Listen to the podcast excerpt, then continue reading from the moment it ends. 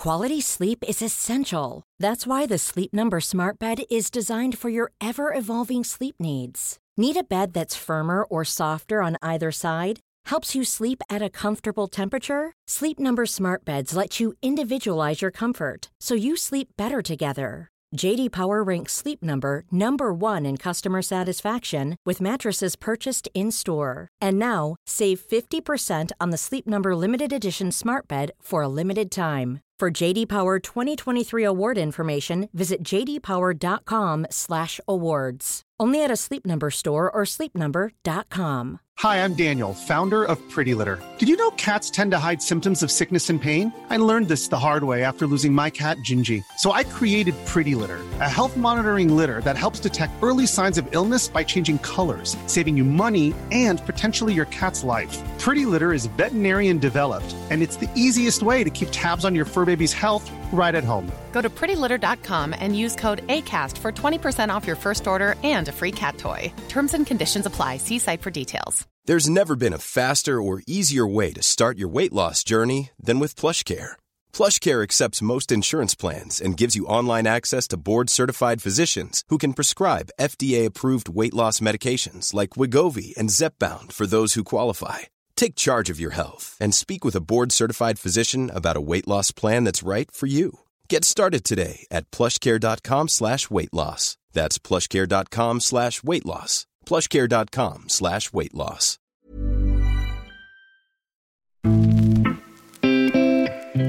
Kriminella nätverk är inne i svensk fotboll. Inte bara med omfattande matchfixning.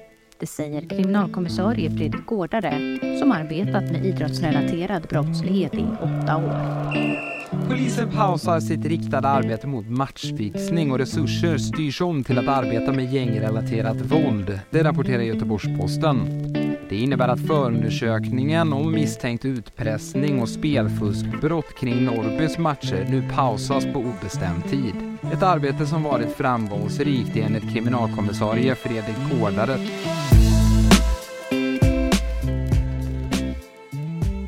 Mellan 2017 och 2021 ledde Fredrik Gårdare polisens satsning mot kriminella i idrottsmiljö, kallad Aktionsgrupp Idrott, som riktade in sig mot att stävja brott som korruption, hot och matchfixning. Och då blev fotbollen inblandad i allra högsta grad. Polisen valde dock att lägga ner aktionsgruppen. Podden berättar Gårdare som lämnade polisen efter beslutet att han velat fortsätta och riktar kritik mot sin tidigare arbetsgivare för att gruppen lades ner. Nej, inget bra beslut och uh, bör ju ändras. Alltså dåliga beslut ska ju en bra ledare ska kunna säga att det här var, ett, var inget bra beslut. Jag tar ett nytt beslut som är bättre. Det tycker jag att uh, man borde gjort, eller ska göra helt enkelt. I podden talar vi om den utredning Fredrik Gårdar gjort om läget i svensk idrott just nu om de problem han ser inom fotbollen med kriminella agenter, fixade matcher hat och hot. Där han menar att svårigheten är att få folk att prata med polisen. Och största problemet var tystnadskulturen, att, att alla är tysta. Och att vi då som, som då en utredande insats, vi körde ju egna förundersökningar för att då liksom offensivt verkligen komma även till domstol. Eh, jättesvårt. Vi kommer även in på polisens strategi kring villkorstrappan som Gårdare såg som felaktig. Men även på dagens situation på läktarna med en del stök och där utvecklingen går åt fel håll enligt Gårdare. Det kommer bli, kommer bli mer problem. Det problemet som uppstod framförallt under hösten kommer fortsätta. Och det är en väldigt tydlig lägesbild från alla experter som jobbar både inom fotbollen men också inom hockeyn att det är betydligt fler grupperingar som har anslutit sig. Podden är naturligtvis mer än så här. Vi talar mer om den utredning som Fredrik Gårdar gjort kring läget i svensk idrott och varför det ser mörkt ut prata om den nya spellagstiftningen och möjligheterna den har att påverka brottsligheten runt fotbollen. Vi talar om vikten av transparens i en fotbollsvärld som tenderar att stänga till allt mer. Men som vanligt börjar vi podden med en faktaruta.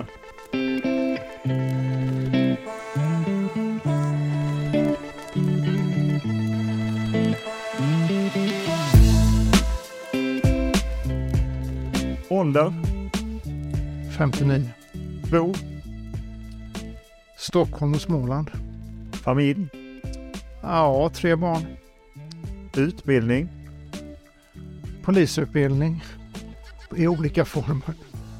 Lön? Ja, ingen alls just nu. Vad kör du? Eh, jag kör eh, eh, både eh, Ford Mustang och eh, Edsel Vad läser du? och Fiat. Den du såg, den lilla. Jag läser eh, Matilda Gustafsson. Jag läser senaste här nu om Svenska Akademin och kulturprofilen. Vad tittar du på? Bäst i test tittar jag på varje vecka. Sen kan det gärna vara en fransk långfilm eller flera franska långfilmer. Vad lyssnar du på? Rock'n'roll. Vad spelar du på? Vad jag spelar för instrument? Det kan ju vara allt från instrument till tv-spel till att du spelar på hästar eller fotboll eller... Nej, dåligt med spelande. Så Inget spelande om man ser det så då. Gammal innebandyspelare, bowlingspelare, bronsmedalj, junior-SM. Vilken är din främsta merit från fotbollens värld? Ja, faktiskt gjort några A-lagsmatcher för eh, Postens korplag här i Småland. Eh, vilken är din största upplevelse i fotbollssammanhang? Ja, det kan vara en Bayern-match. Ja. Mm. Någon specifik? Live. Ja, jag kommer inte ihåg exakt vilken. Vilket favoritlag har du och varför? Ja, jag var medlem i AIK på 80-talet. Men eh, nu bor jag på Södermalm och då är jag ju tvingad helt enkelt. Att gå till Hammarby? Ja. Eh, vilken regel i fotboll vill du ändra på? Ja. Att allt detta filmande, om det nu finns någon, inte finns någon regel mot filmande så kan man införa en regel att man får inte filma och hålla på och ligga och, och gråta i gräset. Offside är ju en trist regel också. För oss som inte, mig som inte är så insatt så, liksom, så blåses det av hej vilt. Tydligen för offside. Det är något, någonting som är konstigt då. Vem är för dig eh, tidernas bästa fotbollsspelare?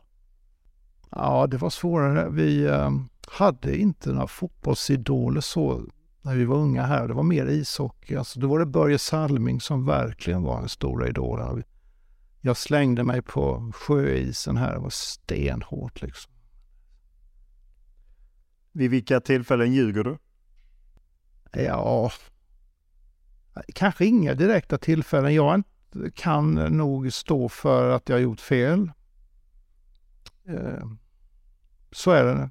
Att jag gärna gör det. Sen gör jag fel och jag kanske... Vad ljuger jag om? Att jag är bra på att mecka med bilar. Om du tvingas välja ett nytt jobb, vad blir det? Arkitekt, skådespelare, snickare. Ja, det är nog de tre. Något av dem får det bli. Hur är du som bilförare? Jag är väldigt bra som bilförare och då ljuger jag inte utan eh, jag har alltid varit bra och jag har uh, använt som det eh, under polislivet. När var du riktigt lycklig senast? Ja, det var nog förra fredagen. En skön, lycklig fredagsstämning. När grät du senast? Det var häromkvällen, eh, program om eh, demens på SVT.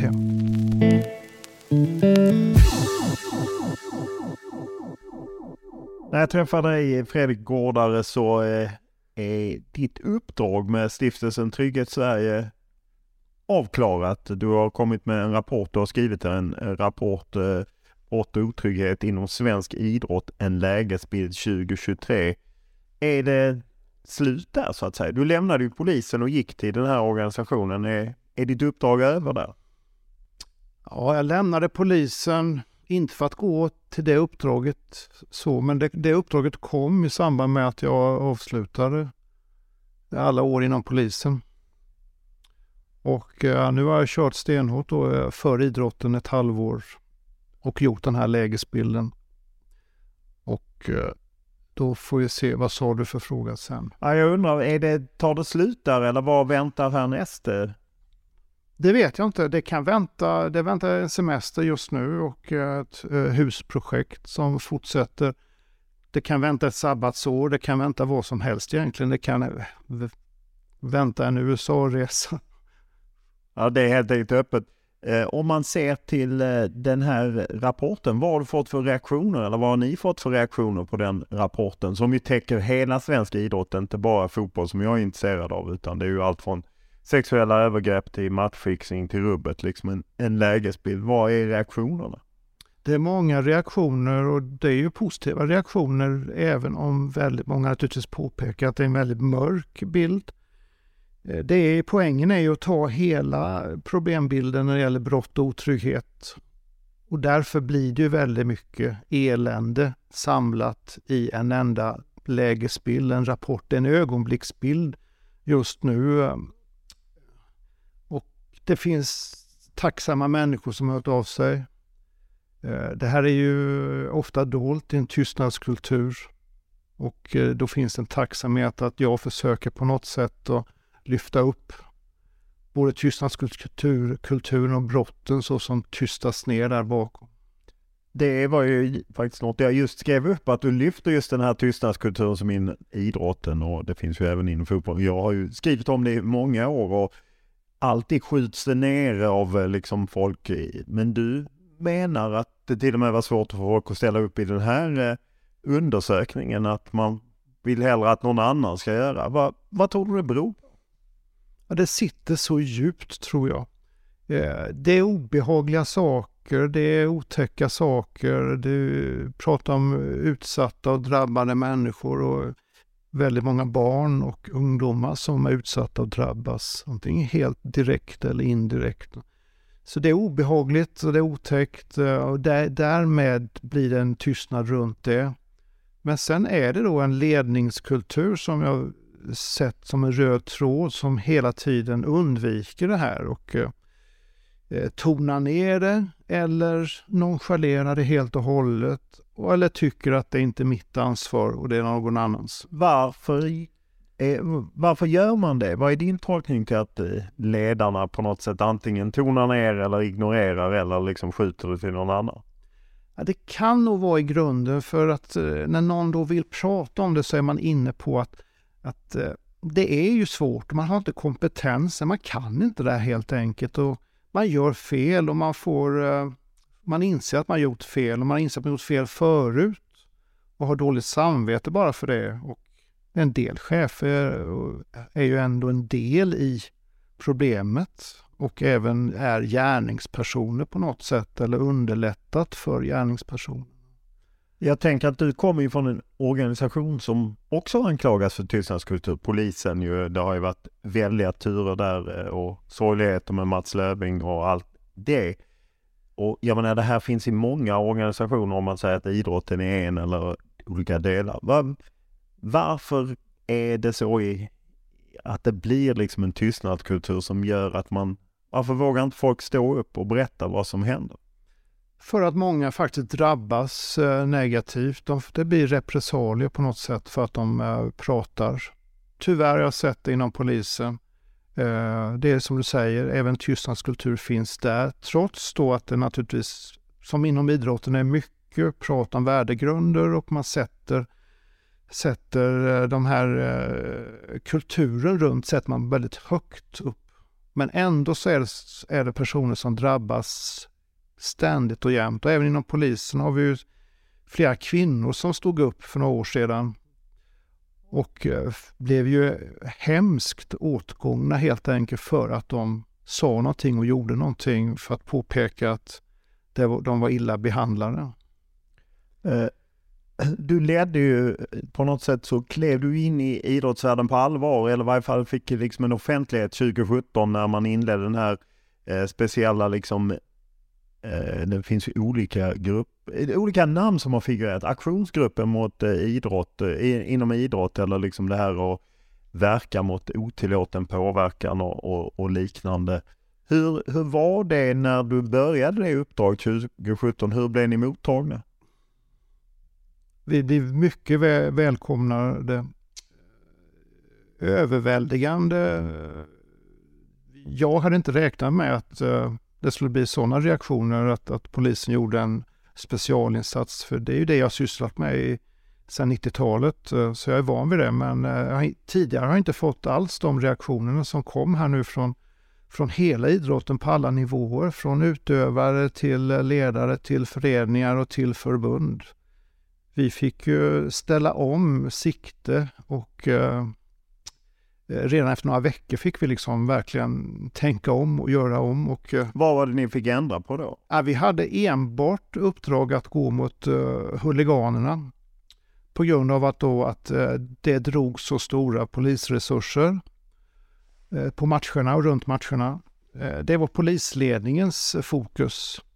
Eh, från eh, fotbollen var fokus att få hjälp med då den otillåtna påverkan, alltså hoten och den påverkan som gjordes då in i föreningarna ständigt och jämt med tusentals eh, avancerade hot under, som vi haft under sedan 90-talet. Det var ju fokus från fotbollen att de ville ha hjälp med det. Så att när vi drog igång så var vi helt inställda på att gå mot den här firmamiljön och firmagängen. Och det gjorde vi också, va? men bara efter två veckor så, så kom fotbollsförbundet med en stor hög av misstänkt matchfixning och sa äntligen någon som tar hand om det här. Vi hade ledare från AIK som besökte oss och knackade på, kom in och sa vi har jättestora problem. Vi är så tacksamma. Så här ser det ut, det här behöver vi hjälp med. Vad var det man behövde hjälp med? Hot. Hot av alla möjliga slag. Eh, ekonomisk brottslighet. Sen gick det bara någon vecka så eh, upptäckte vi själva eh, problemet med agenter och att vi såg att det var kriminella herrar som gett sig in i agentbranschen.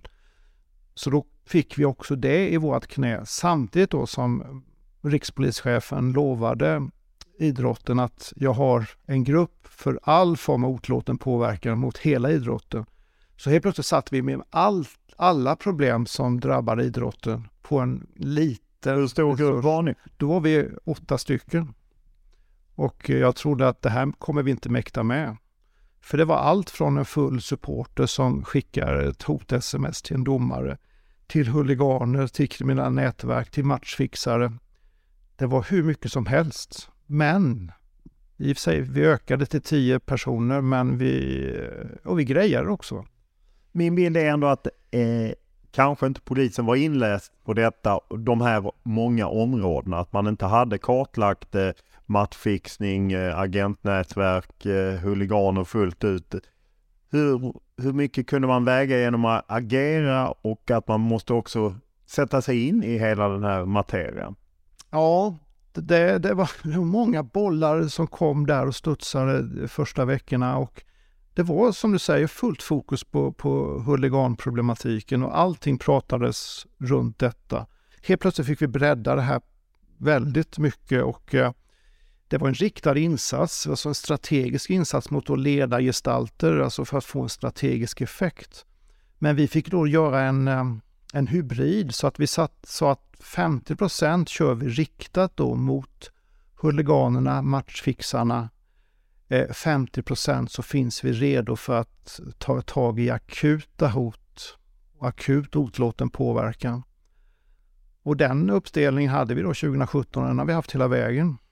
Jag inbillar mig att du när ni får uppdraget i början av 2017 och jag vet ju, vi skrev om det att ni var på en SEF-möte och drog lite om agenter i, jag tror i mars 2017 och så. Vilken bild hade du av svensk idrott, svensk fotboll vid den tiden när du fick uppdraget? Eh, jag visste ju i och med att jag hade kört insats i Södertälje och uh, sett uh, hur det fungerar runt uh, Syrianska och eh, Södertäljenätverkets inblandning i denna fotbollsförening. Eh, plus några andra fotbollsföreningar runt omkring då i Stockholms södra delar. Så jag hade ju, jag visste ju om att det fanns matchfixning. Jag visste ju om naturligtvis att, att det var organiserad brottslighet. Så det var inte, var inte en helt överraskning så, men polisen som sådan hade inte jobbat mot matchfixning överhuvudtaget innan. Liksom har inte ens pratat eller diskuterat detta. Varför tror du att polisen lämnade idrotten lite åt sitt öde? Det speglar ändå, när ni sätter igång så kommer idrotten i olika former till er och söker hjälp. Eh, det speglar ju att de inte hade fått hjälp tidigare. Varför tror du polisen hade lämnat dem tidigare? Man har inte förstått, eh, inte tagit in helt enkelt. Alltså det var ett sån fokus och mm, det här våldet och stöket runt matcherna som vi haft då sedan, sedan EM 92. Det, det har tagit upp all tid och allt. Man har inte tänkt bredare än så. Så det är därför tror jag att man har missat det mycket. I och för sig har väl två, två matchfixningsutredningar har väl skett under, under alla årens lopp. Eh, men det är ju i stort sett när det varit öppet mål. Annars har det inte gjorts någonting. Och man har inte insett att det är ett stort hot mot fotbollen på så sätt och inte heller tänkt. Inte ens senaste tiden, de senaste åren har man tänkt att det är samma kriminella nätverk som ägnar sig åt grovt våld och som har skjutvapen och bomber som är inne och, och matchfixar och köper och säljer fotbollsspelare dessutom. Att man skulle kunna komma åt dem genom att komma från sidan och ta dem just på det de gör mot idrotten. Det, det har vi fortfarande inte fått genomslag utan det är så oerhört fokus på, på just den enskilda våldshändelsen och våldsbrotten. Eh, ni inledde 2017, 2018 så är det väl Ulf Johansson som är väl regionpolismästare vid den tiden som förlänger det. Eh, för jag vet, vi var samtidigt på någon eh, presentation av en BRÅ-utredning eh, där eh, det ställdes liknande frågor. Det slutade med att han kommunicerade via Twitter att han förlänger det och så. Ändå la man ner det till slut eh, eh 2021. Varför la man ner det? Den var ju tidsbegränsad och eh, det fanns en uppfattning om att man skulle få en effekt på den här eh, på bara på ett år. Och det var ju nationell insats det här dessutom. Eh. Men ett års perspektiv och sen förstod man att det var jätteviktigt och att det fick sån effekt som det fick. Det var ju en synlig förbättring på alla, alla de här fronterna som, som vi pratade om. Så att Ulf Johansson tog beslutet att det ska permanentas. Så att det blev en permanent insats som hamnade då i en ruta på kriminal, kriminalen, länskriminalen i Stockholm. Regionala kriminalavdelningen. Eh, så att på så sätt körde vi också då i, i fyra år till som en permanent insats. Varför la man ner det 2021? Vad sa man till er? Nej, man sa ingenting. Det var jättesvårt att få något besked. Förmodligen, som jag uppfattar i alla fall, för att det funkade så funkade bra. Allting, det var inga problem och, och kunden och idrotten var jättenöjda. Så att all fokus går ju till, till eh, där det inte fungerar. Så att man hade ingen tanke på då att, att vårda det som riktigt är bra och vara rädd om det. Att det här ska vi fortsätta och vi ska vara rädda om det och det är viktigt. Alltså, så, så, att jag fick inte ens det beskedet att det här är superviktigt, det fortsätter vi med. Jag fick besked att vi kör på. Visst, kör på, det är inga problem, eh, kör på bara. Men ehm, eh, sen helt plötsligt så fick vi besked då att, att eh, det ska avslutas och då var du i en form av vågskål mot alla gängmorden. Vi hade alltså på den, den sektionen som, som aktionsgruppen då låg på.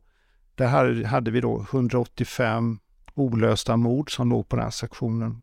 Plus att det då kom in nya mord varje vecka helt enkelt till då regionala kriminalen i Stockholm. Vilket gjorde då att vi fick, vi togs i anspråk för mordutredningar. Vi hade en egen stor mordutredning som vi körde helt själva. Så att där fanns ju en, en, eh, det fanns ett behov av väldigt duktiga utredare och analytiker och det, och det, det hade jag verkligen. Då när man pratade med dig i samband med att det kommunicerades och det stod lite och vägde så på något sätt försvarade du då och sa att eh, ja men se som det ser ut med alla mord och så. Var det en del av eh, polisens tystnadskultur så att säga, jag vill inte stöta mig med dem uppåt eller hur ser du på det idag när du har lämnat polisen?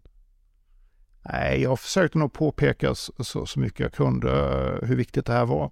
Min uppfattning är att, att eh, då högsta ledningen i, i Stockholm och även på, på NOA inte... NOA är alltså eh, nationella operativa avdelningen, är det ja, korrekt? precis. Det, det är ju den nationella styrningen och ledningen som, som sitter där på Kungsholmen. Och eh, vi jobbade ju nationellt men vi tillhörde då Stockholmspolisen helt enkelt. Eh, så jag är, är nog övertygad om att, att man tog sig inte tid, varken Stockholms då, chef då, Löving eller... Numera avliden Mats ja, Löving. Ja, och eh, högre chefer och, på eh, nationella operativa avdelningen tog sig inte tid att fundera på hur är det här viktigt för idrotten och hur viktigt är det att vi fortsätter med det här eller kan vi avsluta den och är då uppdraget slutfört och har vi då fått en bra effekt som förhoppningsvis håller i sig. Jag tror inte man hann eller tog sig tid eller förstod att det var viktigt att tänka. Och man kom definitivt inte just till, till det att det här är kanske superviktigt att behålla och fortsätta för hela svenska idrottens skull. Vad, vad ger du för betydelse av att man avvecklade? Eller hur, hur ser du på liksom, var det dåligt, bra eller alltså, vad är din, jag vill mer ha din bild liksom av beslutet. Nej, inget bra beslut och eh, bör ju ändras. Alltså dåliga beslut ska ju en bra ledare ska kunna säga att det här var, ett, var inget bra beslut. Jag tar ett nytt beslut som är bättre. Eh, det tycker jag att eh, man borde gjort, eller ska göra helt enkelt. För nu har det gått över ett år och man kan se, se att det finns brister. Alltså idrotten är inte, inte supernöjda. Många har svårt att hitta hjälp när man väl behöver hjälp och speciellt snabbt. Man har svårt att hitta specialister på matchfixning till exempel. Eller få, ta, få tag på någon som kan matchfixning kanske en, en fredagkväll, en lördagmorgon. Eller en hotad domare som man, man måste hjälpa och försöka avstyra ett pågående hot. Så får man inte riktigt tag på den. Man kan ha lite, nästan till tur och få hjälp men i många fall så får man ingenting alls. Vad, vad betyder eh, att det ni byggde upp i form av kunskaper, kännedom och så, att det nu är försvunnet, även fall det har flyttat till NOA det här, men det finns ju inte samma grupp så att säga. Nej, det finns ju en idrottsgrupp på, på, på NOA som ändå eh, jobbar för idrotten. Men den är ju väldigt mycket fokuserad just på, på fotbollens problem med, med huliganer och pyroteknik. Eh, så att det är två, två, två problem med det. Dels att då när det är akutläge att få hjälp snabbt av någon som, som vet och kan och vet hur man gör. Och dels den riktade verksamhet då för att då vi kartlade ju först och främst firmorna men sen även matchfixningsnätverken kartlades. Eh, och vi hade väldigt bra personkunskaper och vi visste exakt hur allting fungerade. Och eh, vi hade mycket underrättelseinformation som togs om hand och eh, vi tog in i ett sammanhang. Det är klart, det är ju helt borta och vi har fått radera de kartläggningar vi har gjort. Och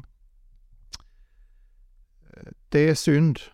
För då, om man nu vill, vill igen på något sätt ta tag i det på, så får man börja om från början igen.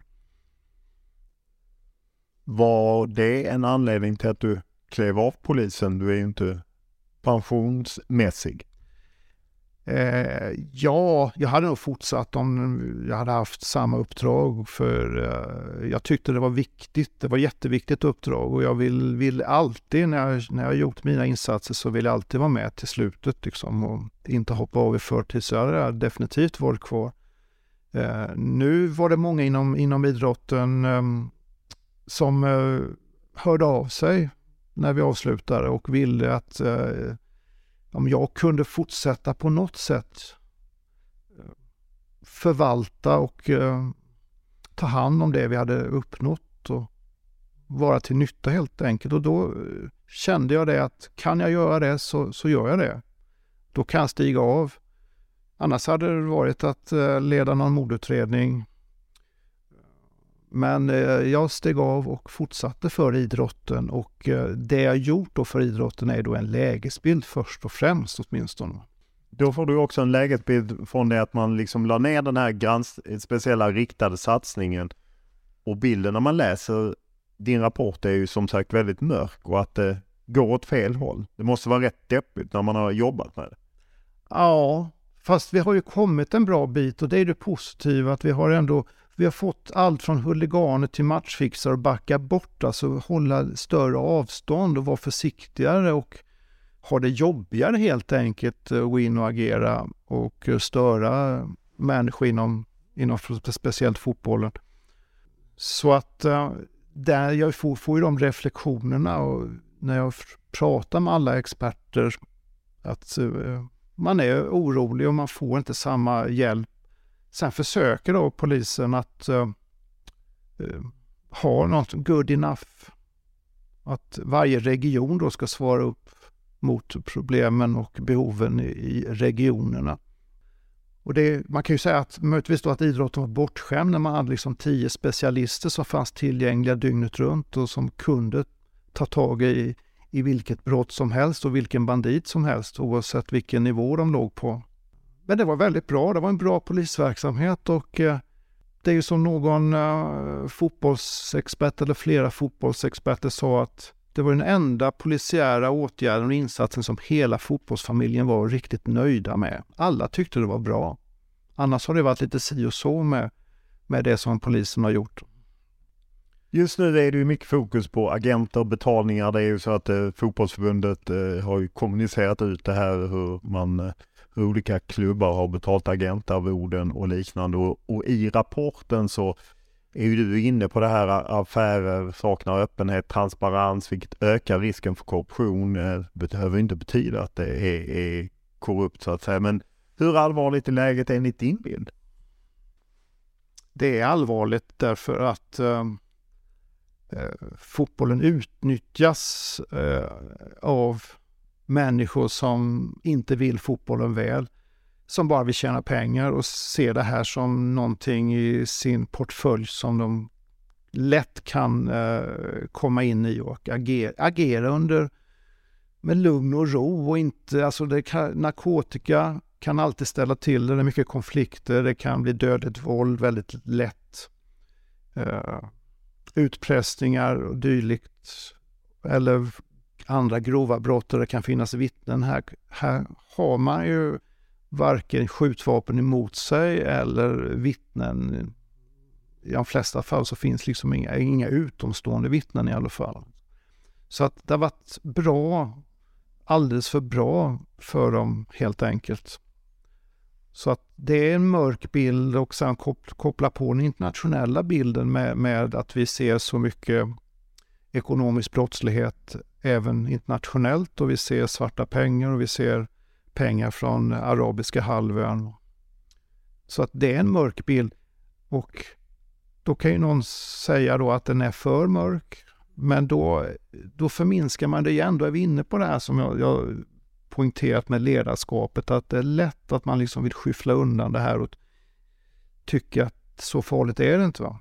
Utan det första vi måste göra är att prata om eländet. Va? Det är jobbigt och det är trist. Speciellt då i en idrottsfokus. Och det är väl det som skiljer mot andra organisationer. Att idrotten är, eh, det är bra värdegrund, det är hälsa, det är fair play. Det, det är, det är så mycket positivt. Alltså det är roligt, det är spännande, oförutsägbart. Och sen kommer det elände. Och det blir som kontrast mot glädjen, spänningen, det oförutsägbara. Eh, där ligger nog en del av det problemet att idrotten kanske då har längre än andra organisationer att, att verkligen börja ta tag i den. Eh, nu så i efterskalvet för diverse granskningar och belysningar av eh, agentarvoden och liknande så blir det liksom en diskussion. Jo, men det kan inte ligga på den enskilda klubben som ansvar utan det borde vara liga, förbund och så. Du som liksom ser det lite utifrån, vem har ansvaret för att eh, det spårar ur? Är det den enskilde sportchefen, är det klubben, är det förbundet eller är det ligan? Alla som äh, duckar, alla som skjuter åt sidan, som undviker det, är de skyldiga. Alla kan göra någonting. Eh, det är precis som i polisarbetet och de insatser som, som jag har varit ledare för att nu jobbar vi Vi jobbar helt enkelt. Nu kör vi. Vi gör det vi kan. Vi är inte så många. Vi har inte all tid i världen, men nu kör vi. Vi gör precis så mycket som vi bara kan göra.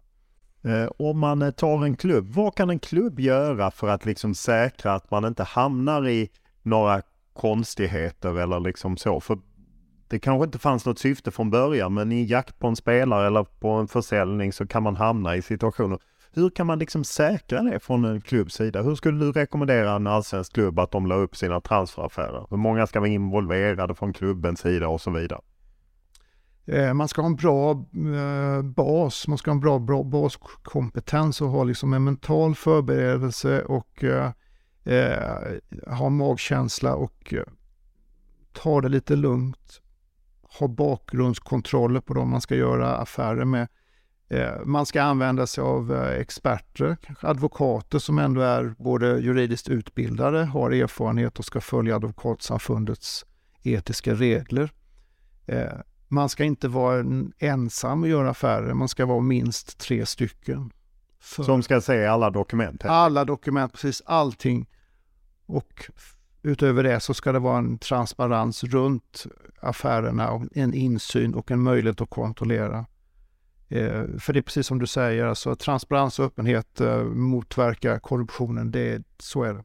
Ja, och det är ju det som är så genomgående i fotbollsvärlden eftersom jag har hållit på med det här många år och man vill ha transparens i hur Sverige åker till Qatar med fotbollsförbundet. Det får man inte för det är affärsavtal och säljer en klubb en spelare, det är affärsavtal och vice versa. Vad är, är din rekommendation kring just insyn och eh, vad man ska öppen? Kan man till exempel som klubb ställa som krav att vi måste kunna offentliggöra det här? Det tycker jag. Eh, jag kan bara gå till mig själv och min egen organisation. Alltså när jag började på Rikskrim då var det precis likadant. Alltså, allting var hemligt. Ingenting fick visas upp någonstans och någon journalist fick absolut inte komma i närheten överhuvudtaget. Då. Eh, det ställde inte jag upp på, så när jag väl var själv chef och eh, körde då mina insatser, då till att börja med mot, mot Hells Angels, Bandidos på 90-talet, då gjorde jag tvärtom. Jag öppnade upp för helt insyn. Journalister var välkomna, och jag tog alltid med forskare också, så jag tog in forskarna, för de var också helt utestängda från, från gamla polistänket så. Eh, och jag har inte haft något negativt. Visst, de, de eh, har naturligtvis visat någonting som inte har varit jättebra, som, som vi eller jag var dålig på, men det, det tycker jag bara är bra, för då kan vi förbättra oss och jag kan bli bättre ledare. Eh, jag tog till och med in Uppdrag granskning och Janne Josefsson fick följa med när vi körde en insats mot gatugängen i norra Botkyrka. Så att eh, medarbetare från, från Janne Josefsson var med i två månader och fick följa, följa all verksamhet. För jag hade insyn i precis allting. Och jag hade hur många som helst som varnade mig för det här. Gör inte det, bjud inte in dem. Men det blev ju jättebra. Alltså de, visar, de, de kunde ju visa naturligtvis på att vi var inte ofelbara och vi kan göra det bättre. Och, men de kunde också visa att vi gjorde väldigt mycket bra grejer. Och det har jag haft med mig hela vägen. Så att forskare har jag haft med inne i mina insatser ända sedan 2002 då när Jerzy Sanetski och jag började samarbeta. Eh, du har genom åren när jag har intervjuat dig, många andra gjort att liksom påpeka att den här dubbelheten att man både från sportchefshåll eller i SEF, alltså Svensk Elitfotboll, ena sidan vill ha hjälp, nästa dag gör man affärer med de som man har nästan varit rädda för eller de som har varit hotfulla och du har sagt liksom och även efter den här rapporten, varför låter vi elitfotbollen göra affärer med kriminella nätverk? Jag är besviken och förbannad på både undfallande chefer i idrotten och nonchalanta chefer hos polisen. Va, hur ser du på det att, att idrotten fortsätter göra affärer fast man vet att det kanske är aktörer som inte gör allting enligt regelbok? Ja, alltså jag blir ju frustrerad. Jag är ju en lugn person, alltså, eh, så äh, hetsa inte upp mig. Eh, men eh, det är, det är märkligt alltså. Att, eh, förstår man inte eller bryr man sig inte eller man, har man själv liksom inte, tycker inte så noga med, med med svenska lagar och idrottens egna regler. Tycker man att man kan kliva över dem hur som helst? Har man en inställning naturligtvis i grunden och gör så i, i sitt vanliga liv så, så kan man naturligtvis göra affärer med kriminella herrar. Men det måste, då måste det finnas liksom högre chefer och ett system som gör att nej, nej, nej. Då har vi, har vi fel chefer på fel ställe. Om man kan... I klubbarna helt enkelt. Ja. Att styrelse, vd måste agera för att se till om det då är sportchefer som fortsätter göra sådana här affärer. Ja, det måste finnas en tydlig gräns, alltså ett tydligt försvarsspel, alltså en, det är både moraliskt och etiskt och eh, för idrottens eget bästa. Alltså de personer som inte ställer upp ska inte vara inom idrotten överhuvudtaget. Det är min personliga uppfattning. I, I rapporten går det att läsa om det här med belöningar i samband med agentbranschen. Delas ut klockor, utlandsresor, överlånas pengar till anhöriga, förekommer olika former av belöningar till partners och, och så. Finns det någonting som tyder på att man har liksom tagit sig in och, och köpt sig in i klubbar på det? Att man mutat sig in i klubbar? Ja, det är det ju. Och de är ju duktiga på detta. Alltså, om man ska försvara då eh, ledare inom fotbollen som har tagit in de här i, i omklädningsrum, på planer, i konferensrummen och även gör affärer och betala pengar också dessutom till. Eh, så möjligtvis att en och annan blivit lurad och inte förstått, alltså för de är duktiga naturligtvis, de är ju proffs på, på att, att uh, göra sånt här.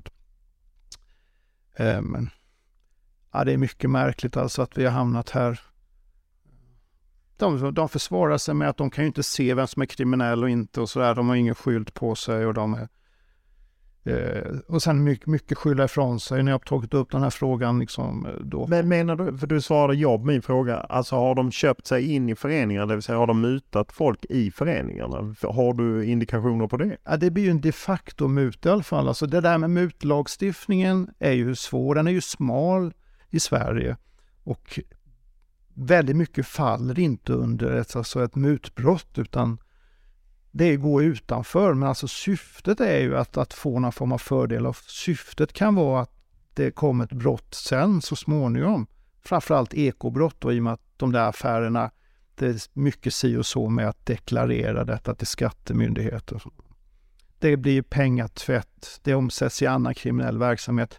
Så att visst, eh, det bjuds på väldigt mycket. Det är allt från krogen till eh, resor och Eh, Eh, svarta pengar under bordet. Vet du det? Ja. Har du bevis? Varför leder inte det i så fall till någon rättslig process? Nej, därför att då, då, då är det just det här att du ska ha det in i, in i uh, mutbrottsjuridiken. Och då är det väldigt smalt. Du måste på något sätt uh, kunna bevisa att de pengarna hänger ihop med någon tjänst du ska då göra för de pengarna. Och eh, den ska också vara i direkt anslutning. Så det är oerhört svårt att leda sånt i bevis och hamna till ett åtal och domstolsförhandlingar. Hur ofta är det så att agenter styr klubbar ända ner till startelvor och, och, och liknande? Ja, vanligt och vanligt. Det är, det är klart det är tusentals och åter tusentals föreningar och tusentals matcher, men vi har sett under de här åren som vi körde insats och även då i den här lägesbilden som jag gjort och pratat med experter eh, just nu, så är det fortfarande så att det är en handfull föreningar som, som väldigt många pekar ut som har problem och där det sägs då att det är kriminella aktörer som har sånt inflytande över dem. Och det känner jag igen sen, sen vi gjorde insatsen från polisens sida. Och, och det måste man vara i, man måste förstå att det är komplext. Det är som det är det är inte bara nätverk utan det är patriarkala system och det är eh, släktskap till höger och till vänster och det är, det är väldigt invecklat i vissa lägen. Till att det kan vara så att, att uh, det finns ju hur många exempel som helst, men det finns ju ungdomsspelare som avstår från att spela i vissa lag därför att om de spelar i det laget och den föreningen, då blir de andra irriterade och då avstår man att spela. Eller ska man då välja en andra föreningen bara för att de säger att du ska spela i den, den föreningen. Så att, eh, en av Göteborgs förorter har vi haft ett så typexempel där liksom ungdomsverksamheten helt enkelt eh, blir helt eh, fastlåst på grund av att man inte vet, riktigt vet hur man ska gå tillväga därför att det finns kriminella aktörer runt omkring de här föreningarna som, som möjligtvis både vill åt de bidrag som kommer från stat och kommun och Riksidrottsförbund. Eh, men också liksom att det kan bli en, en att du får inte spela i den föreningen för de, den tillhör de andra och du ska spela hos oss. Så. Och då är en stackars ungdomsspelare som ska förhålla sig till det här och kan, kan ju tycka att det är jätteläskigt. Varför är det så svårt att få den här, de här misstankarna eller kännedom om olika felaktigheter, att få det till en rättslig process och faktiskt få till en dom. Det som vi har sett i matchfixing där man ju fått en eh, bättre spellagstiftning men även kring det här, ja, hur man kontrollerar och eh, både spelare och klubbar och annat. Och största problemet var tystnadskulturen, att, att alla är tysta. Och att vi då som, som då en utredande insats, vi körde ju egna förundersökningar för att då liksom offensivt verkligen komma även till domstol. Eh, jättesvårt, alltså den matchfixningen speciellt tar jättelång tid. Det är lika omfattande som en mordutredning, en spaningsmord. Det tar jättelång tid. Det är hur mycket information som helst. Det är människor som inte säger någonting. Eh, många som inte vill säga någonting. Sen finns det människor som vill men inte vågar säga någonting. Eh, och allting är i det fördolda och inga utomstående vittnen finns. Eh, du har ingen riktigt bra brottsplats att spärra av och leta spår på.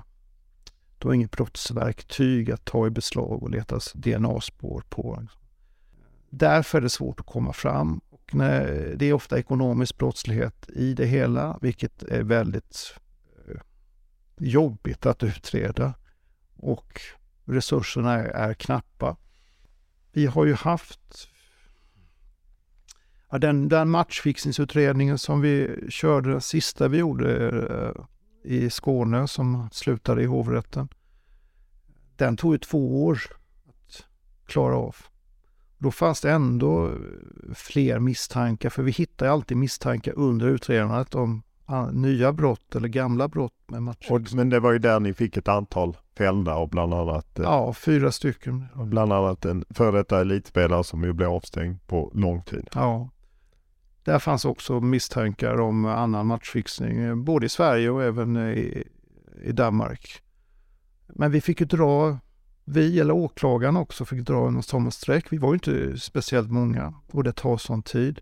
Och då är det enbart matchfixningen, själva spelfuskbrottet som det nu då numera heter. Sen har vi all ekobrottslighet då, runt hanterandet av pengarna.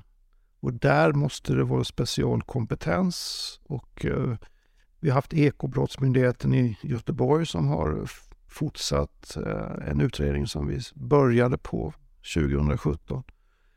Och de har jobbat med den i fyra år utan att liksom ha kommit till till mål med någon form av domstolsförhandling. Så att det, är, det är jättesvårt att komma just till domstolsförhandling. Utan det vi, det vi som då en, en eh, riktad insats fokuserar på var att avbryta en pågående brottsprojektet avgår. Alltså en, ett system, en organiserad brottslighet, att gå in och avstyra den helt enkelt. Göra, gör en förebyggande åtgärd. Det är i takt med att svensk fotboll, man eh, satte ju rekord här allsvenskan eh, under 2022 års ålder för 500 miljoner. Det blir liksom mer och mer pengar och man ser framförallt i storstäderna, Stockholm och Göteborg, en våldsam konkurrens om talangerna, eh, de unga talangerna. Hur ofta ser ni hårda tag mellan agenter och agentnätverk med tanke på att de just slåss om eh, vissa få spelare som är riktigt attraktiva? Vi såg ju och vi fick in uppgifter, det var ju väldigt stort inflöde av information från idrotten. Alltså, vi hade ju öppnat upp för det och var ju jättetacksamma. Så det kom ju tips från alla möjliga håll och kanter. Eh, och vi såg att agenterna gick ner i åldrarna, att det blev en hö högre konkurrens att hinna före någon annan.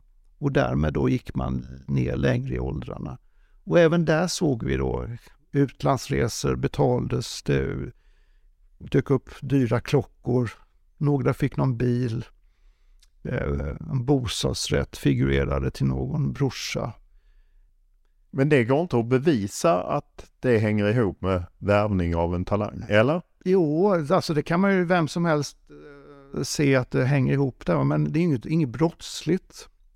Sen kan ju då man tycka, i, i vardagligt tal kan man tycka att det mutas för att man då ska få, få den här talangen, eller föräldrarna framförallt först och främst, att ta just den här agenten.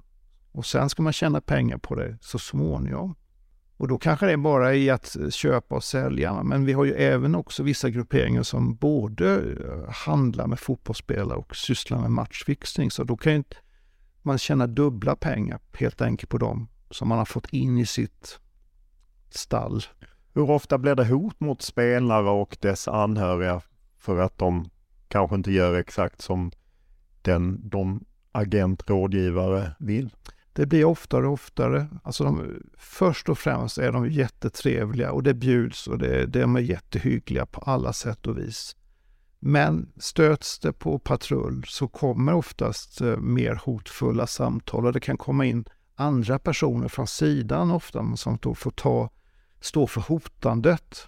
Och sen så slätar man över det här lite och så ska man rätta till allting.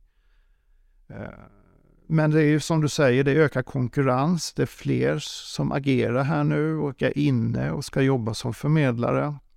Det är fler springpojkar runt omkring och vi har ju sett att konfliktytorna har blivit större och det har blivit konflikter. Hur yttrar sig konflikter? Vi ser att eh, de är ganska tuffa mot varandra och eh, det finns uppgifter om att man har gått till angrepp mot varandra för att på något sätt skrämma bort den andra och få den andra att backa ur. Eh, när det gäller någon affär eller rent hur mycket stor del av kakan man ska ha. Eh, hur ofta står ledare under tryck i klubbar att sälja eller göra affärer just i, kring det här? Ja, det varierar ju, men eh, den uppgiften som, som jag har fått här nu till lägesbilden är ju att, att eh, vissa känner sig så tvingade helt enkelt att gå med på det. Alltså de har, känner att de inte har någon valmöjlighet. Um, så att, uh, men vi har en stor tystnad. Jag har inte, precis som du sa, det är tystnad om det här, så jag, jag har väldigt svårt att få information nu till lägesbilden från de som verkligen är, är mitt i. Och jag, vi som, som polisinsats hade också jättestora problem. De ville inte dela med sig av hur det gick till? Sportchefer och liknande? Nej, väldigt tyst. Varför tror du det? Det kan vara en rädsla, att man är rädd. Skulle man prata med polisen, eh, då är man rädd att det kan bli repressalier. Man är själv inblandad på något sätt eller har gjort någonting dumt som då inte varken Polismyndigheten eller Skatteverket eh, ska veta om. Och då liksom blir du tyst automatiskt på något sätt. Eller är man som du var inne på tidigare, det, det här är fel person på en sån position. Alltså att man, det är dåligt ledarskap och dåligt chefskap och man gör dåliga affärer och eh, kliver över både lagbok och eh, fotbollens egna regler. Eh, det är ungefär 150 förmedlare som är licensierade av fotbollsförbundet numera. Hur många av dem är på fel sida om eh, ja, lagens råmärken? Ja, det är svårt. Det går ju svårt att sätta en siffra. Eh, vi, alltså från, som polisinsats då, om, vi ser, om jag pratar om det jag gjorde innan jag gjorde lägesbilden, var ju ändå att vi kartlade nätverken, vi ingrep mot en del av dem. Eh, vi ingrep mot deras andra brottslighet eh, och vi startar upp utredningar som har pågått. Men eh, jag, jag vågar ju inte sätta någon bedömning för det är väl till, upp till var och en helt enkelt var man drar gränserna runt det här. Vi, vi, vi såg då, nu har inte vi haft den här insatsen på över ett år, men när vi väl körde den så såg vi att det var ju ändå en handfull bulvaner och målvakter på den här listan för personer som då inte ville synas eller inte kunde vara med på den på grund av brottsbelastningsregister. Pekar ni ut det för fotbollsförbundet och för klubbarna att de här och de här är, för men det var ju en dragning eh, när SEF hade möte där det pekades ut ett antal agenter att de här är, du vet ju vilka det är så att säga. Upplyser du klubbarna att de här bör ni inte jobba med? Så, som polis och, som min, alltså min aktionsgrupp hade väldigt mycket kunskaper om de här personerna. Men vi har ju sekretess, eller hade då sekretesslagstiftningen, så vi kan ju inte gå ut. Alltså de, det efterfrågas ju det. Det frågas ju väldigt mycket om, eh, gärna en lista på dem som, som då är kriminella. Men det går ju inte, det funkar inte. Även om vi kan göra det eh, inne i polishuset och sätta upp på väggen så kan vi inte sprida det för det får, vi får inte liksom lämna ut sådana personuppgifter helt enkelt. Ändå fanns det uppgifter om att eh, på ett CEF-möte där du var med förekom namn nyligen. Jag tycker det är bra att man pratar namn och att man pratar mer eh, runt det här och pratar bolag. För det, det är enda sättet att alltså, få en bättre kunskap. Alltså veta vilka gör man affärer med? Vad är det här för, för människor? Vad är det för bolag? Hur hänger det ihop? Finns det några hållbarhetstankar? Finns det någon kravmärkning? Eh, det är jättebra att man börjar prata för att det har varit väldigt, väldigt tyst. Så att jag är jättepositiv till att eh, när jag ser att SEF har tagit eh, upp och har fokus på det här nu. Fifa är ju på väg att införa ett nytt regelverk, man ska ny utbildning, allt det här. Har du något hopp om att det förändrar någonting eller kommer det vara business as usual oavsett? Allting som kan göra det jobbigare för kriminella herrar. Banditer är så att de väljer sina brottsprojekt allt utifrån eh, hur jobbigt det är och hur stor, stor risken är och väger det mot förtjänsten, brottsvinsten. Så gör man det för jobbigt, då kommer de ägna sig åt någonting annat. Så att dels att eh, man kan på, no, på regelmässigt komma åt det. Men sen också då fotbollen själva och alla chefer som har, har med det här att göra börjar att prata om det och tillsammans kan mycket mer och tillsammans ha ett bättre försvarsspel. Och dessutom då tredje saken, öppenhet och transparens. Vem som helst ska kunna se att det här är okej okay grej alltså. Det kan, det här, de ska kunna säga att det här är okej. Okay. En advokat kan inte hitta det minsta fel här. En granskande journalist kan inte hitta det minsta fel här. Eh, det är ju lätt att prata om chefer i, i den här världen och ligaförbund och så. Vilket ansvar har spelarna? De har ju stort ansvar, men man får inte lägga allt ansvar på dem. De är ju fotbollsspelare och många är ju väldigt unga. Många är ju ungdomar, de är inte vuxna ens när de då hamnar i den här världen.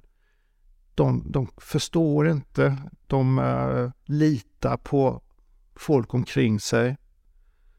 Uh,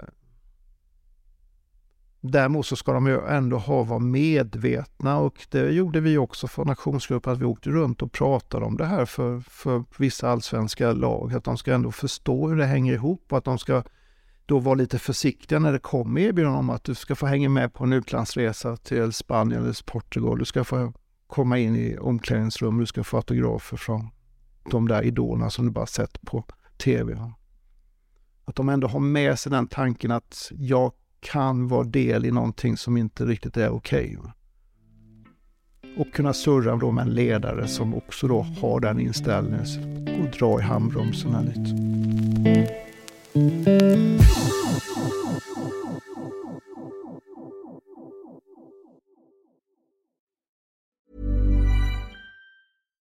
Hey, I'm Ryan Reynolds. At Mint Mobile, we like to do the opposite of what Big Wireless does. They charge you a lot, we charge you a little. So naturally, when they announced they'd be raising their prices due to inflation, we decided to deflate our prices due to not hating you.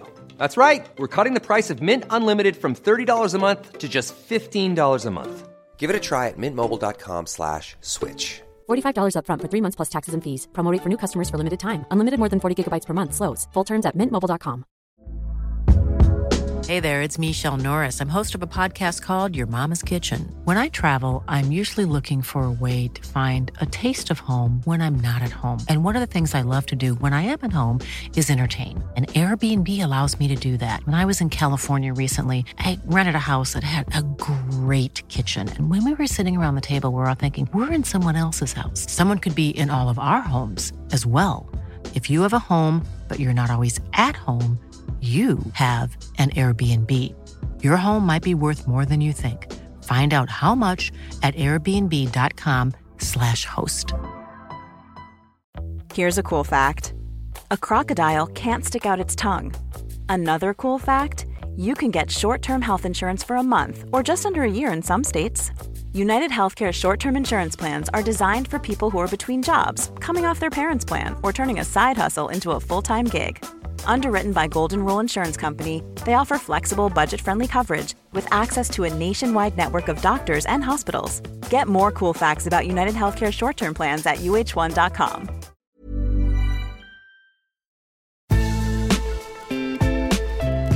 Matchfixning då plötsligt? Misstänks vara föremål för matchfixning. I somras spelade en spelare på en match som han själv deltog i. Håkan Sjöstrand berättar om Svenska fotbollförbundets arbete mot matchfixning. Det mest uppmärksammade fallet är mellan Göteborg och AIK förra året.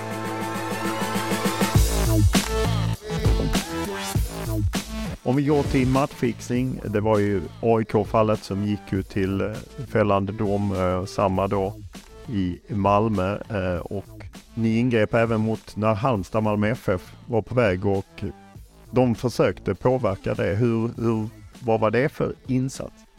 Ja, det var ett väldigt bra exempel på hur, då, eh, hur vi tänkte och hur vi gjorde.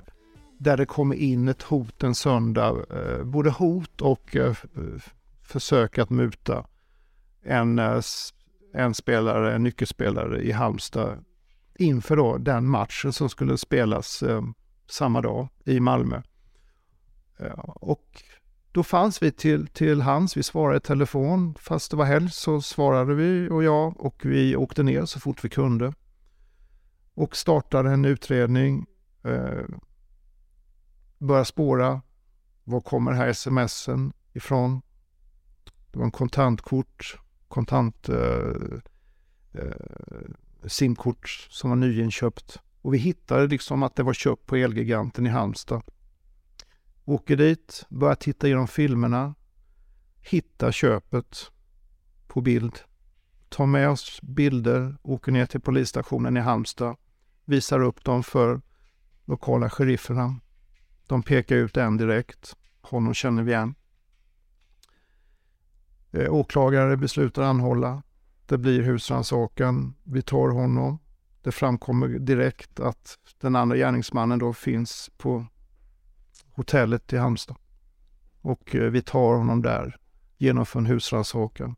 Visar sig att han kommer från eh, Balkan. Och i rummet bredvid så sitter en spelare från ett land långt bort i öst som knappt visste att han var i Sverige, men han skulle säljas i Sverige, det visste han. Och eh, han dök senare upp i Huskvarna. Så det var ett väldigt bra exempel på hur vi agerade. Dels att fotbollen själva, Halmstad reagerade direkt, fotbollsförbundet reagerade direkt, eh, vi från polisen reagerade direkt, körde full fart. Och fotbollsförbundet valde då även att matchen fick spelas. Så idag hade man ringt 114 och hade haft en jobbigare resa helt enkelt. Spellagen är ju ny. Eh, är den någonting som kommer få stopp på matchfixning eller i varje fall begränsa matchfixningen i Sverige? Där är det kriminaliserat med matchfixning och det är ju bra. Tidigare var ju man tvungen att hitta ett annat brott för att hänga upp på, på ett fixa så att det var en utpressning, ett hot eller en muta. Annars gick det liksom inte att eh, utreda eller lagföra. Eh, så att det är bra Då, då får du också som, som myndighet får du, kan du utnyttja rättegångsbalken med husrannsakningar, tömma mobiltelefoner och på så sätt eh, göra det jobbigt för, för matchfixningsbanditerna. Sen är det, är det i slutändan ett hantverk och det går inte att eh, bekämpa bara med fina paragrafer och fina handlingsplaner och möten vid konferensbord och hålla med och vara överens. Alltså man måste ut där, alltså vara ute i verkligheten. Både som fotbollsledare och som, som polis som ska göra någonting så måste du vara där ute och ha hantverkskunskapen. Om du är kritisk mot att en del sportchefer och liknande gör affärer med de här. Hur ser du på hur ligor, förbund och liknande agerat med matchfixning på senare år? Ja, det finns ju mycket att göra och det, man kan vara betydligt offensivare och betydligt tuffare. Alltså det är ju ett bekymmer i sig att vi har ganska många spelare och tränare och föreningar som inte ställer upp då på idrottens värdegrund och håller sig på rätt sida. De får ändå spela. Eh, jag skulle gärna se att man var tuffare och tyckte att det, liksom, det är inte en mänsklig rättighet att få spela i en svensk fotbollsförening, en svensk serie. Men vet klubbarna det? Om man tänker att polisen vet det så får man kanske inte dela ut de här namnen. Vet klubbarna vilka det är? Nej, en vanlig klubb vet ju inte det, va? men det, det, finns ju många varningsklockor att, att uh, ha med sig. Alltså kommer det spelare som då erbjuds, då det kommer någon sponsor och erbjuder gratisspelare bara som står på gatan där med en väska i handen. Då ska man dra lite på öronen. Man ska... Det var väl i Nyköping exempelvis där de var ja. på gång och där Dagens Nyheter skrev om det och då, då backade de. Ja, det var ju det senaste och det är ett jättebra exempel också. Det kommer in och många föreningar har det tufft ekonomiskt och så öppnas det en möjlighet att få in några hundratusen här va? och då, då är det så lätt på något sätt att, att vilja att det här är okej okay och hoppas att, och tro och övertyga sig själv istället för att tänka att det här kan vara smutsiga pengar, det är svarta pengar och det finns kanske något annat syfte med det här.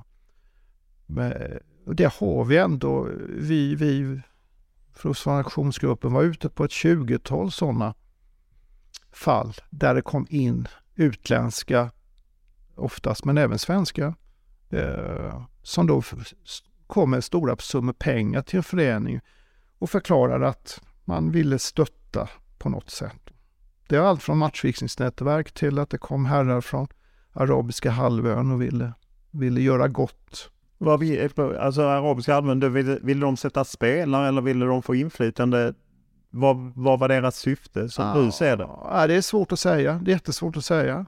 Alltså i bästa fall så är det någon som, som kommer hem till Sverige och har tjänat pengar utomlands och vill på något sätt göra gott för ungdomar i, i, i trakterna. Men det kan finnas precis allting annat. Vi, eh, I Malmö hade vi någon restaurangägare som, som betalade stora summor för att en släkting skulle få spela i, i ett lag i Lund. Ja, det skrev vi om eh, i Lunds BK just eh, och där det ju var Ja, han spelade ju inte så mycket men han eh, på något sätt sponsrade och det syntes knappt i kring Lunds BK. Det finns, finns många sådana och alla, alla är lite olika. Va? Och i, visst, där var jag som, som var polis, då hade ju polisiärt syn på det hela. Så att eh, klubbledare ska vara helt enkelt vakna. Du är ju en, få, en av få poliser som jag upplevt som faktiskt ändå kunnat ifrågasätta villkorstrappan. Att man hamnade snett där från polisens sida apropå oroligheter på eh, läktare och bengaler och så. Läser man din rapport så går det lite åt fel håll igen på läktaren. Dels det här med pandemin, kommit in nya supportrar menar man ibland från fotbollens sida. Polisen lite gett upp. Hur, hur ser du framåt kring läktarna? Det kommer bli, kommer bli mer problem. Det problemet som uppstod framförallt under hösten kommer fortsätta. Och det är en väldigt tydlig lägesbild från alla experter som jobbar både inom fotbollen men också inom hockeyn att det är betydligt fler grupperingar som har anslutit sig och det har bildats nya gängbildningar som har gått in i just den här ultrasmiljön framför allt. Firmamiljön har blivit då lite åsidosatt säger också många. Du eh, beskriver ju, eller då den rapporten som ju egentligen 200 personer med, med olika bakgrund som vi intervjuade, att liksom, ja men att på något sätt Ultras och en del Ultras har gått över mer mot firmasidan och att det är stökigare av den anledningen. Är det verkligen så mörkt? Uh, ja, och där, där har ju polisen alltså en jätteviktig uh, synpunkt, alltså att, att det är ju farligt. Vi har ju katastrofer på, på fotbollsläktare runt omkring i världen. Ibland. Ja, ibland. Jo, men det måste man alltid flika in eh, för att det är ju inte alltid det är så på fotboll. Nej, naturligtvis inte. Men alltså det är, flera, flera, det är många människor som har dött helt enkelt. I andra länder ja. med andra säkerhetssystem och så. Är du rädd för att det skulle kunna ske i Sverige? Ja, ja, alltså vi måste ha det med oss. Alltså vi alla, alla som på något sätt är engagerade här så att det är ju en, en synpunkt från polisen till den här lägesbilden är ju det att det är, det är ju ändå det med brandrisk och att det då kan bli, bli en kaosartad situation med panik och man kan få både brandskador och nedtrampade människor. Eh, det är ju viktigt och det var ju där, där får man ge poliserna en, en, en att de hade en poäng med, med då villkorstrappan. Sen så var verktyget fel enkelt? Ja, alltså det var felkommunicerat och det var inte kommunicerades inte alls utan helt plötsligt fick Riksidrottsförbundet skuld för det hela och där drabbades ju flera personer av allvarliga hot. Så helt, men det var ändå... På RF för att de pekades ut De pekades ut och polisen var väldigt defensiv med att gå, gå ut och säga det är vi som har tagit det här beslutet och vi har gjort det på grund av detta. Eh, så det, det, var dåligt gjort av polisledningen då. Det tog nog ett halvår innan man började kommunicera och förstod att det här, det här blev inte bra. Eh, men det, det är ju en oro, alltså det sägs då att, att brandlarm stängs av. Eh, det är mer ordningsstörningar, det är mer rök, det är mer eld. Så visst, det är ju ett problem, men... Men du är ju Hammarbyare och du kan säkert uppskatta inramningen och det som är på... Och jag menar det är ju en av svensk fotbolls eh, ja, fördelar med inramningen och supportrarna. Ja, det är det. Kan man göra det på ett säkert sätt så har jag ju inget emot, då kan man ju ha vad som helst. Det är ju körsång är ju jättehäftigt liksom bara att vi har en jättekör. Eh, men det måste ju också hela tiden inte, för det får inte gå ut över att mm, att det kan, eh, alltså rök är ju farligt. Det finns ingen rök som är nyttig. Och det här är ju mycket pyroteknik som kommer från Asien utan några kravmärkningar på. Det är eld som används. Eh, så att det måste man ha med sig. Man kan inte bara säga att det är fest och ska. Visst, nyårsafton vid tolvslaget i vilken stad som helst så är det ju samma kalabalik naturligtvis. Men här har vi arrangör, vi har ansvarstagande, vi måste ta, alltså det måste tas hand om all, alla åskådare. Det kan ju inte vara så att folk som då inte tål, eller ingen tål rök, va? men om man är en astma eller liknande så måste man lämna då för att det är för rökigt. Eller tv-tittare som inte ser matchen för att det är för rökigt. Det är många. Samtidigt, det, kommer invändningar att man ska vara där på plats och att det är så det blir ju hela tiden det här invändningar och eh, mycket känsligt. Det är som, eh, det är svårt att sätta foten rätt i, i den här debatten och villkorstrappan enade ju nästan fotbollen. Alltså alla i fotbollen var ju nästan på samma sida och väldigt många journalister var ju på den sidan också.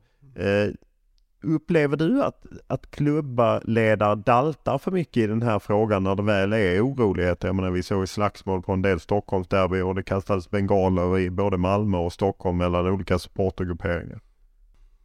Ja, det går ju att göra någonting åt det. Det är ju det som framkommer i lägesbilden och det säger ju många som, som kan det här som experter på det här. Så det är klart det går att göra någonting åt det, men det får sådana stora konsekvenser om du gör någonting åt det på riktigt att det måste göras då också gemensamt. Och det, då är vi tillbaka till det att det är väldigt svårt att få då en gemensam, eh, gemensamma krafttag. En, en, en, enskild förening kan liksom inte själva gå in och säga, sätta stopp för det här. Då... Var är vägen framåt? Jag menar hårda tag hjälper ju inte, det har man ju märkt om villkorstrappan om vi ändå ser vad är vägen framåt för svensk fotboll för att ändå behålla inramningen, det häftiga, men kanske bli av med en del av riskerna. Allt blir man nog aldrig av med. Nej, alltså det är nog en, en bred... Eh, det är nog allt från att, att jobba eh, med, med supporterkulturen eh, i stort. Va? Men sen är det också att plocka bort då de som står för det här och speciellt de som då är ledare och rekryterar och så få in då de nya unga som kommer. Det är ju barn i vissa lägen som bara kommer in här som inte är intresserade av fotboll egentligen, men de är intresserade av eh, stämningen och att det är kaos. Ehm, vi måste plocka bort dem och det har vi också pratat om sedan 90-talet och det har försökts och det har tittats på film i tusen och åter, hundratusentals timmar tittats på film för att hitta de då som stökar eller bränner bengaler. Och där är vi tillbaka. Det är svårt, det är maskering, det är rök, det är... Ehm, ja, och nu får man inte ens eh, dela filmen längre enligt ett nytt beslut. Nej, visst, då, då GDPR och sånt som, som sätter stopp för hela... Sen, sen vet ju föreningarna och folk inom det här naturligtvis väldigt mycket har bra personkunskaper. Men det är samma sak där. Pekar då en säkerhetschef ut någon? Eller är det som en vanlig funktionär, en, en publikvärd som också ser vem som gör vad och har bra kunskaper? Ställer de upp och vittnar då, då det blir väldigt allvarliga hot. Då är vi tillbaka till det som då firmorna var väldigt duktiga på 30 år tillbaka. Alltså. Att, att tysta helt enkelt. Va? Så att det vi gjorde från polisen med aktionsgruppen var ju att vi faktiskt kartlade och vi tog reda på och vi gjorde ingripande mot ledarpersonerna. Och där måste man göra på något sätt. Va? Men nu är vi inte där. Men vi måste komma dit då. Om vi inte ska ha en aktionsgrupp som gör det, då måste kanske fotbollen själva göra det mer. Och kanske få en bättre uppbackning på något sätt och hålla ihop på något sätt så att man är starkare och när väl hoten kommer. Eller angreppen, man ger sig på en arena till exempel. Vi har ju haft liksom skadegörelse på olika sätt. Man anlägger bränder, man kan till och med hemmagjorda bomber. Så att det inte är jättesvårt, men det är klart det går. Eller får man säga att det är normaliserat och så här ska det vara. Liksom. Då kör vi så här. Stort tack för att du ställde upp. Ja, det var så lite så.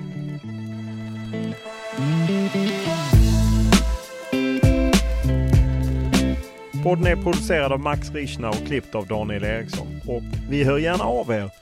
Tankar, idéer, önskemål, vad det nu må vara som ni vill höra av er om.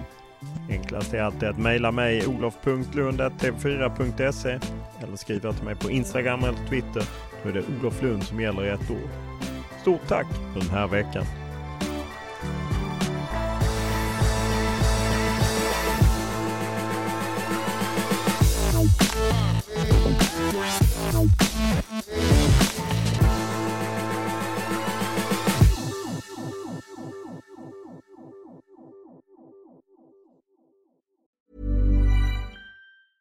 Mom deserves the best, and there's no better place to shop for Mother's Day than Whole Foods Market. They're your destination for unbeatable savings, from premium gifts to show-stopping flowers and irresistible desserts. Start by saving 33% with Prime on all body care and candles. Then get a 15-stem bunch of tulips for just $9.99 each with Prime. Round out Mom's menu with festive rosé, irresistible berry chantilly cake, and more special treats. Come celebrate Mother's Day at Whole Foods Market. When you need mealtime inspiration, it's worth shopping Kroger, where you'll find over 30,000 mouthwatering choices that excite your inner foodie. And no matter what tasty choice you make, you'll enjoy our everyday low prices, plus extra ways to save, like digital coupons worth over $600 each week. You can also save up to $1 off per gallon at the pump with fuel points. More savings and more inspiring flavors make shopping Kroger worth it every time. Kroger, fresh for everyone. Fuel restrictions apply.